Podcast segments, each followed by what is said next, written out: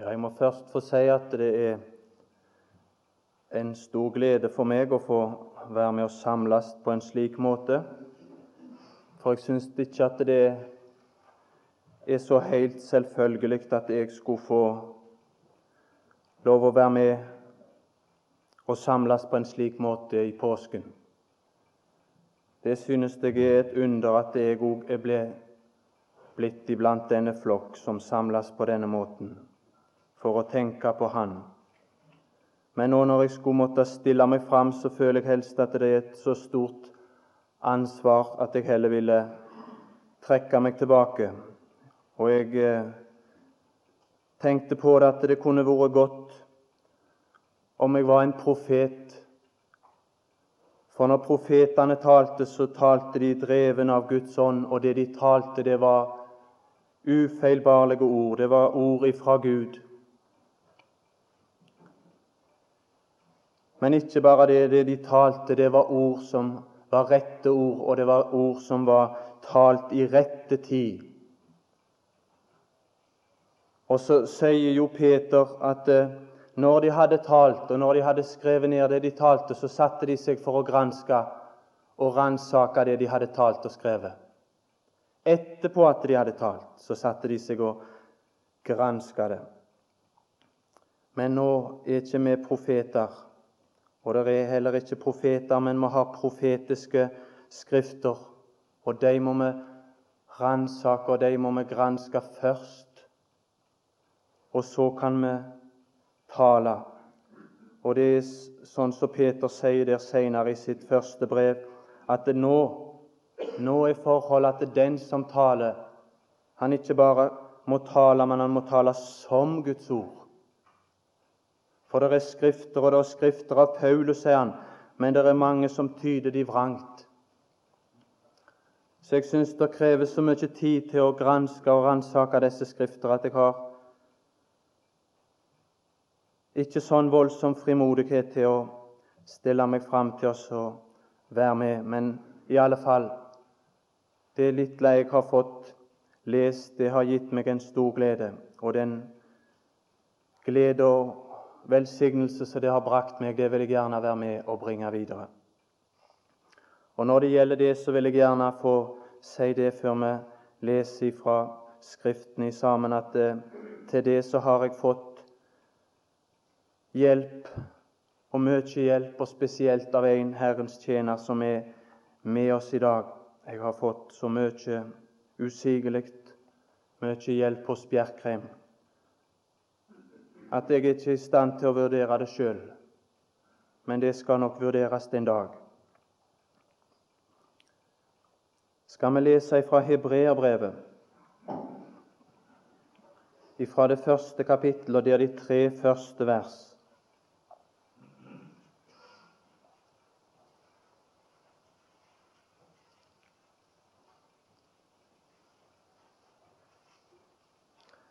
Hebreerbrevet 1 kapittel 1 og vers 1-3. Etter at Gud fordum hadde talt mange ganger, og på mange måter til fedrene ved profetene Der har vi disse profetene som talte da, og som hadde som sitt emne Kristi lidelser og herligheten deretter. Og det er det samme emnet som jeg gjerne ville vi skulle bli opptatt med så har Han i disse siste dager talt til oss ved Sønnen, som Han har satt til arving over alle ting, ved hvem Han òg har gjort verden, Han som er avglansen av Hans herlighet og avbildet av Hans vesen, og bærer alle ting ved sin krafts ord og som derfor, da han hadde gjort renselse for våre synder, satte seg ved majestetens høyre hånd i det høye. Vi kan lese vers 4 òg. Og er blitt så meget større enn englene, som han har arvet et herligere navn framfor dem. Det jeg gjerne ville vi skulle bli opptatt med i all enkelhet, det er Kristus der ved majestetens trone. Kristus ved Guds høyre hånd, slik som vi finner han framstilt her i hebreerbrevet, og de sannheter som forbinder seg med at han sitter der. Så langt jeg kan se, så framstilles han på denne måten ved majestetens høyre hånd fire ganger her i hebreerbrevet. Og hver gang og i ethvert tilfelle så er det bestemte og spesielle sannheter som er knytta til hans plass og hans stilling der ved majestetens høyre hånd. Og første gang som han omtales å være sittende der, det er i det tredje vers her som vi har lest fra Hebreerbrevet 1. Og jeg synes at dette første kapittel her i Hebreerbrevet, det synes jeg er et veldig kapittel. Et uhyre innholdsrikt kapittel som jeg synes bare jeg har vært på overflaten av. For min del så synes jeg det må være hevet over enhver tvil at det er Paulus som har skrevet dette brev til hebreerne. Men her er det ikke forfatteren som er i forgrunnen. Her står det ikke, som ellers i Paulus sine brev, Paulus, Jesu Kristi apostel efter Guds vilje. Dette brev det begynner ikke slik, og det ville heller ikke vært passende her om det hadde begynt slik, for det er Jesus det er den Herre Jesus som er den apostel som vi skal gi akt på her. Det sier han i det tredje kapittelet og det, i det første vers der. Det er Han som Gud har talt til oss med. Det er det som det første vers henleder vår oppmerksomhet på. At Gud nå har talt ved Sønnen. Ved Sønnen. Gud har nå talt. I disse siste dager så har han talt til oss i Sønnens person. Det er han som er vår apostel.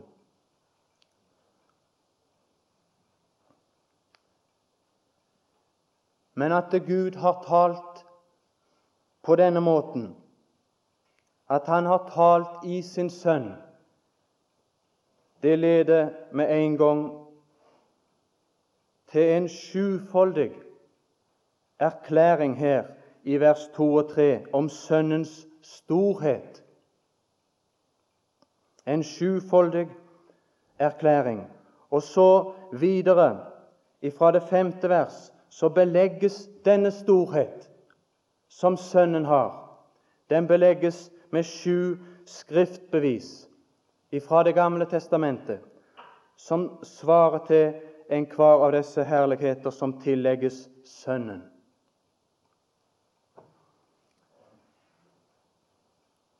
Det er mange ting som her er brakt inn i, vers, i versene to og tre og ellers utover i kapitlet. Men alt som er tatt med her, det er tatt med og ført inn for å erklære Hans storhet, Sønnens storhet. Og denne personen, han er i sannhet stor. Vi kan bare lese f.eks. vers 8. Men om Sønnen Hva sier Gud om Sønnen? Men om Sønnen Din trone Gud. Sønnen tiltales som Gud, som den evige Gud. Og i samme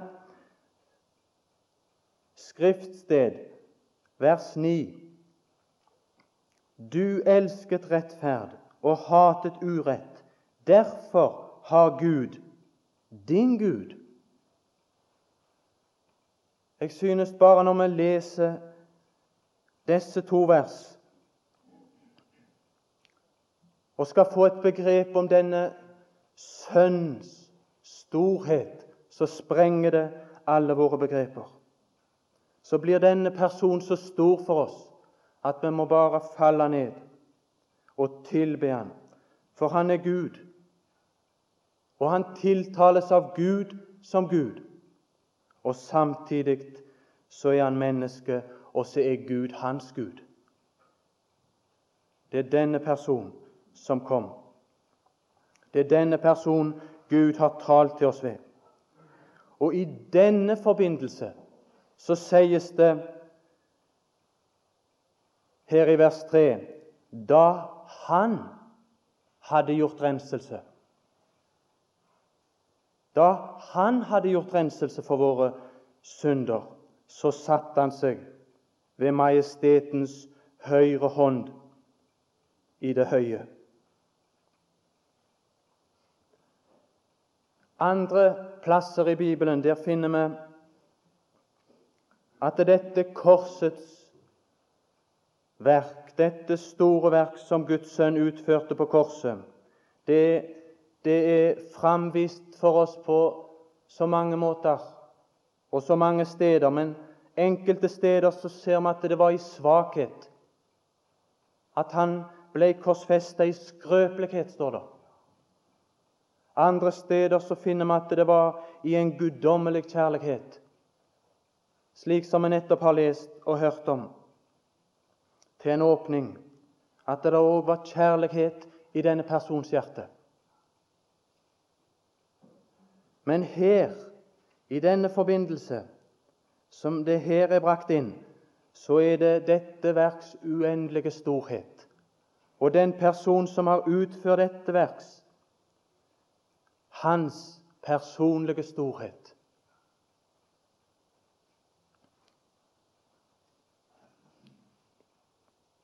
Og det er ingen annen enn en guddommelig person som kunne ta på seg og som kunne løse syndespørsmålet. Det er bare han som kunne ta det opp og løse det til Guds ære. Det var ingen annen skapning som kunne utføre det. Det var bare Sønnen som var i stand til det. og Derfor så står det i Salme 89 i Salme 89 og det 20. vers så står det noe om hvor Gud har nedlagt hjelpen. For det var det vi var i behov av, som var ureine i våre synder. Det var bare Sønnen som kunne gjøre dette.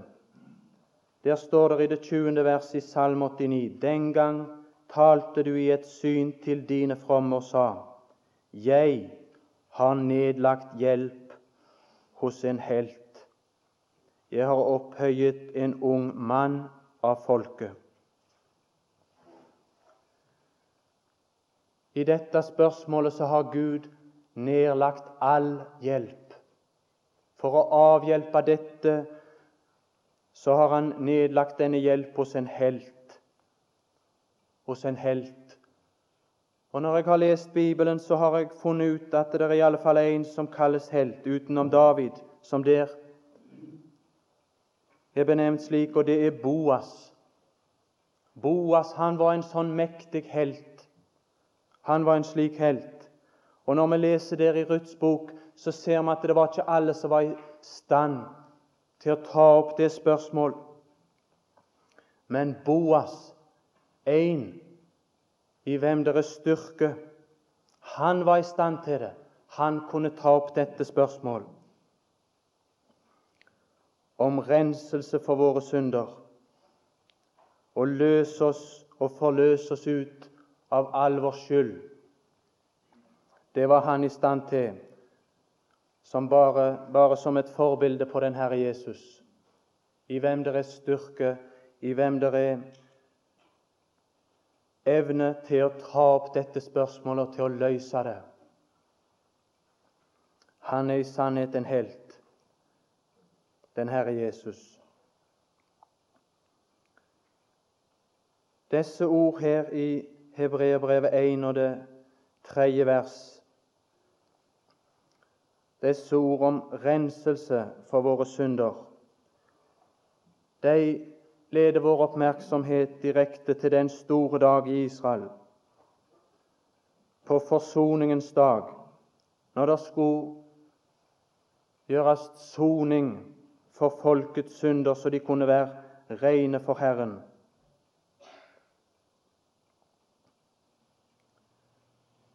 På den dagen og i de ofringene som på den dagen ved ypperste presten ble ofra, da gikk Gud til bunns i spørsmål om synd, i spørsmål om synder og alt dette i forhold til helligdommen, til hans egen nærværelse. Så ble det tatt opp, og så ble det ordna på et rettferdig grunnlag. Men før vi leser litt om renselsen, så vil vi lese litt om om vår urenhet og det behov som vi har for å bli rensa slik som det her står at den Herre Jesus har renset oss.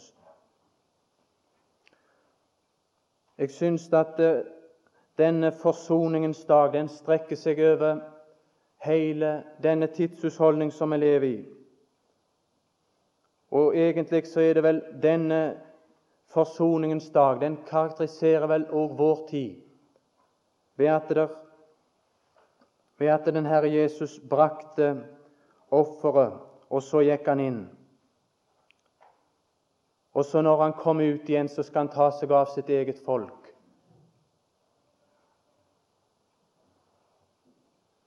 Så jeg synes at det at det er en mann på Guds trone en mann som har gått inn slik som vi her har lest, og satte dere i en guddommelig person som er kommet på jorden for å forklare oss hva denne person som er i himmelen, gjør, og forklare for oss betydningen, den fulle betydning av det han gjorde ute før han gikk inn. Og så lever vi i denne tid mens han sitter der. Men så er det et behov, et uendelig behov for denne gjerning som han har gjort. Det står i ordspråkene 30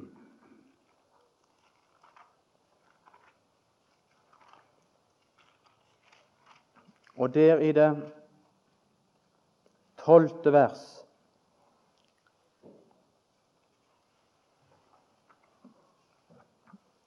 så står det om en ett som er ren i sine egne øyne.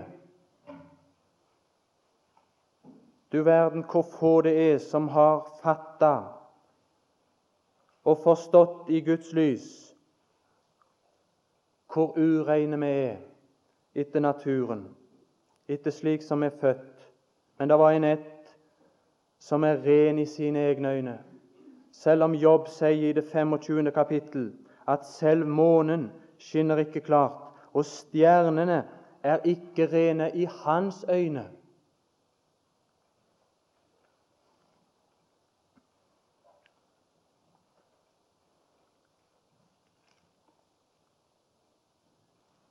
For det er ikke bare noen få som er ureine. I Esaias 64 og der i det femte vers så står det at i Herrens øyne så er det ikke bare noen enkelte som er blitt ureine. Men der står det 'Vi ble som den urene, alle sammen', i hans øyne.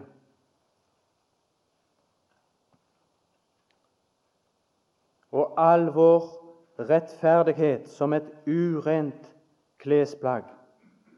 Slik ble vi på grunn av et fall, på grunn av en urenhet som kom inn. Så ble vi som den urene. Ikke noen enkelte, men alle sammen. Derfor er dette spørsmålet om renselsen som det sto om i Hebreerbrevet 1.3, det er et spørsmål som angår oss alle, som er aktuelt for oss alle. For vi ble som den urene, alle sammen. Det ble vi med et fall. Og de som falt, de falt før de fikk noen etterkommere, sånn at eh, siden den dag så har det vært sant som står i Jobbs bok, det 14. kapittel. Der står det i det 14. kapittel og det fjerde vers Kunne det bare komme en ren av en uren? Kunne det skje? Nei, det var ureine foreldre. De første foreldre, de falt. Og alle som er kommet av dem, de har blitt ureine. De har blitt og vært ureine fra fødselen. Kunne det skje? Nei, det står her svar. Samtidig så står det svar. Ikke én. Vi er ureine fra fødselen. Og når jeg har lest i Tredje Mosebok, og der i det tolvte kapittel, så står det om en urenhet i Israel.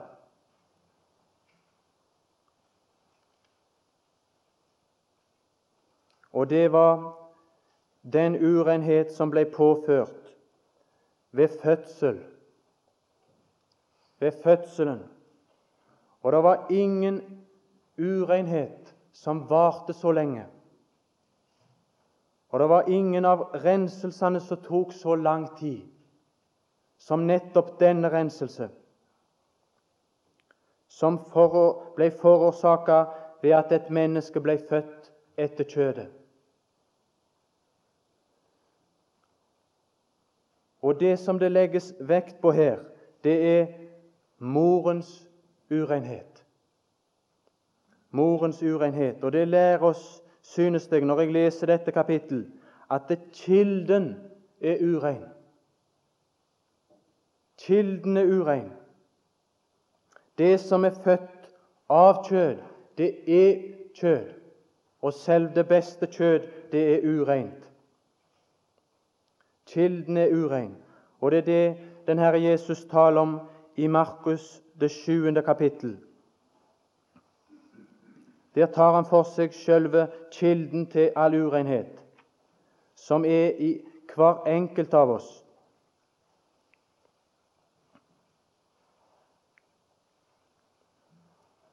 Markus der i det sjuende kapittel, og først i det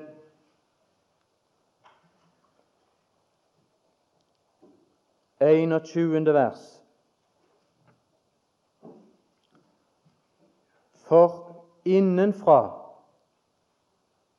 fra menneskenes hjerte, komme Så kommer alt dette her som her står oppregna. Og det er ikke bare fra enkelte mennesker at slikt kommer. Det er ikke det den Herre Jesus sier. Det er ikke ifra dårlige mennesker at slikt kommer. Men innenfra, fra menneskenes hjerte, fra alle menneskers hjerte, så kommer slikt som her står oppregna. Og så står det i det 23. vers Alle disse onde ting kommer ut innenfra og gjør mennesket urent. Jeg tror at vi har lett for å lese dette litt forskjellig. Å lese dette som her står i det 23. vers, galt. Det har jeg gjort mange ganger.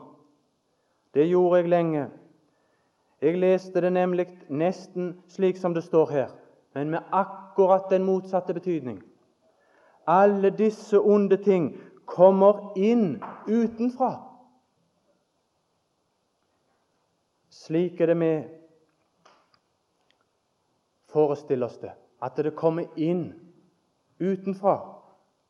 Men nei, sier den Herre Jesus, det kommer fra hjertet. Det er en ond kilde i alle av oss. Og derifra kommer det. Det kommer ut innenfra. At vi har vanskelig for å akseptere at det er slik, det visste den Herre Jesus. For når han sier der i det 15. vers her i Markus 7, så sier han denne ting. Det er intet utenfor mennesket som kan gjøre ham uren når det kommer inn i ham. Men det som går ut av mennesket, det er det som gjør mennesket urent. Og så I det 16. vers der så kommer det et ord som ikke så ofte forekommer i Bibelen. Men her står det om noen har ører å høre med, han hører. Det er fordi vi har så vanskelig for å akseptere at eh, vi er så ureine, at det fallet har påført oss slike ting. Så det viste seg når, han, når vi leser videre her, at det var ikke alle som hadde øre for det. Til å forstå det, til å fatte det, til å erkjenne det. Men i alle fall, vi husker vi husker godt det som står i Andre Mosebok i det fjerde kapittel, når Herren sier til Moses at han skal, han skal ta sin hånd inn på sin barm. Og så når han drog den ut derifra, så var den spedalsk. Det er derifra, det er fra vår barm, det er derifra urenheten kommer. Det er en uren kilde i oss sånn at, sånn at Herren spør oss i Jeremias det 17. kapittel. Der står det noe som jeg har tenkt på om vårt hjerte, som er en slik urein kilde. Der står det karakterisert for oss, og så er det et spørsmål etterpå. Der står det at det svikefullt er hjertet. Mere enn noe annet, og ondt er det. Her er det ingen tvil. Men så er det et spørsmål hvem kjenner det? Hvem av oss er det som kjenner hvor ureint det er? I alle fall så står det i det tiende verset at Herren kjenner det. Han har lodda dybdene av hvor ureint det er. Men hvorfor, kunne vi òg spørre, hvorfor er det så få som ser at de er ureine? Hvorfor er det så få som har tatt sin tilflukt til den renselse som er brakt oss? Det, det synes jeg er klart forkynt oss i Isaiah 6. Der synes jeg at det kommer klart til uttrykk. Grunnen til at ikke alle mennesker roper ved over seg sjøl fordi de er ureine, det har en årsak. Det står i Esaias 6 og det femte vers. Da sa jeg,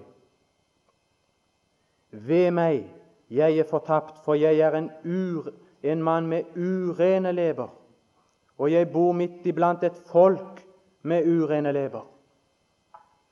Da sa jeg Før hadde han ikke ropt ved på denne måten. Før, hvis vi leser de tidligere kapitler, så hadde han nok ropt ved. Han hadde ropt ved over folket. Men nå ropte han ved over seg sjøl. Og det var på et bestemt tidspunkt.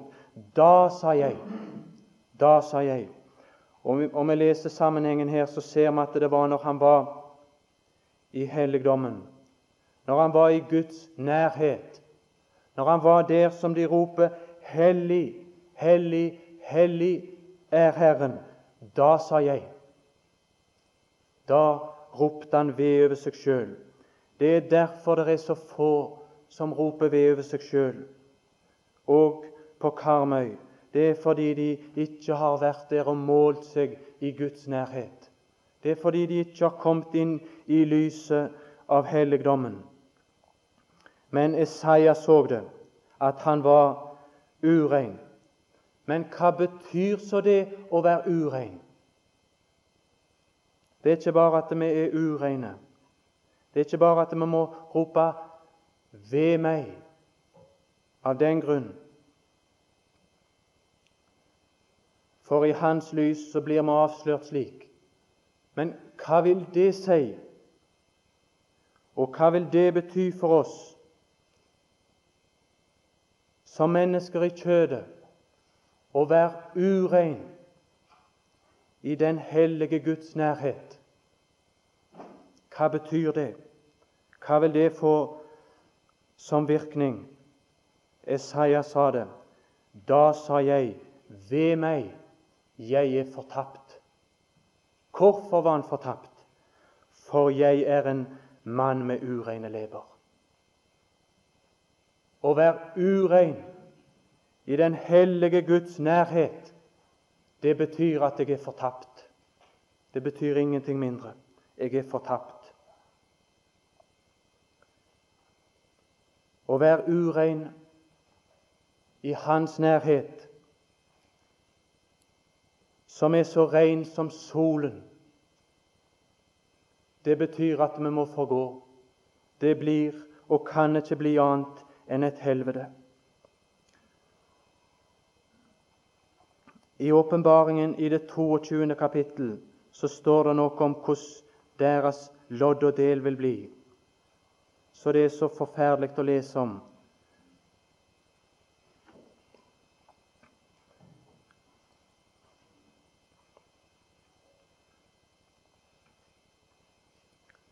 I det 22. kapittel og i det 11. vers. La den som gjør urett, fremdeles gjøre urett, og den urene fremdeles bli uren. Når den evige tilstand inntrår, så blir det ingen forandring. Ingen forandring av verken natur eller karakter. For det som det her tales om, den tid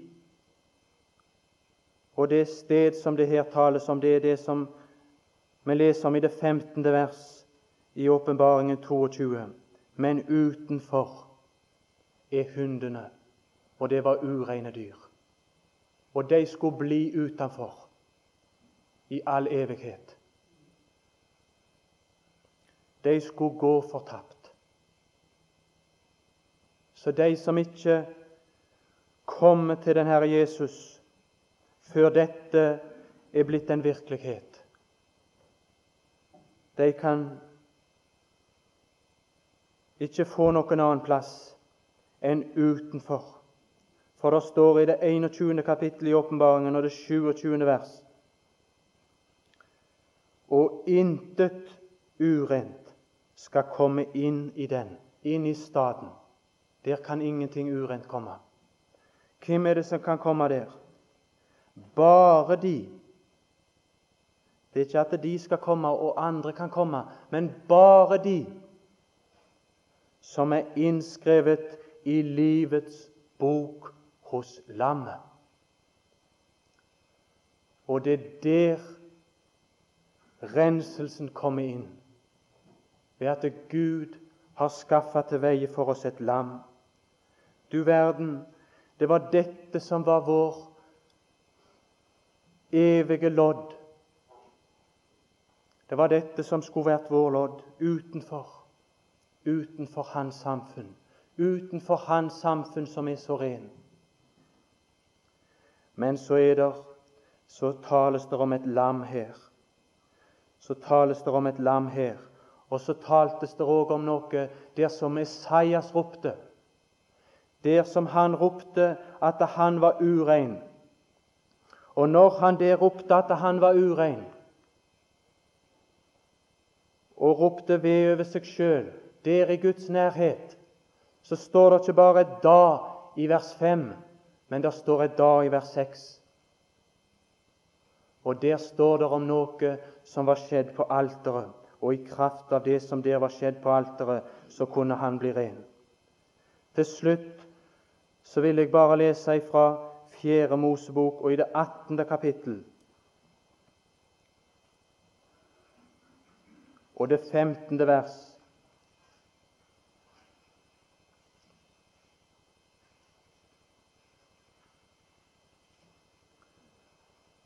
Vi så at det var ved fødselen og fra fødselen at vi var ureine, født som mennesker etter kjødet. Så er det et ureint kjød, en urein natur.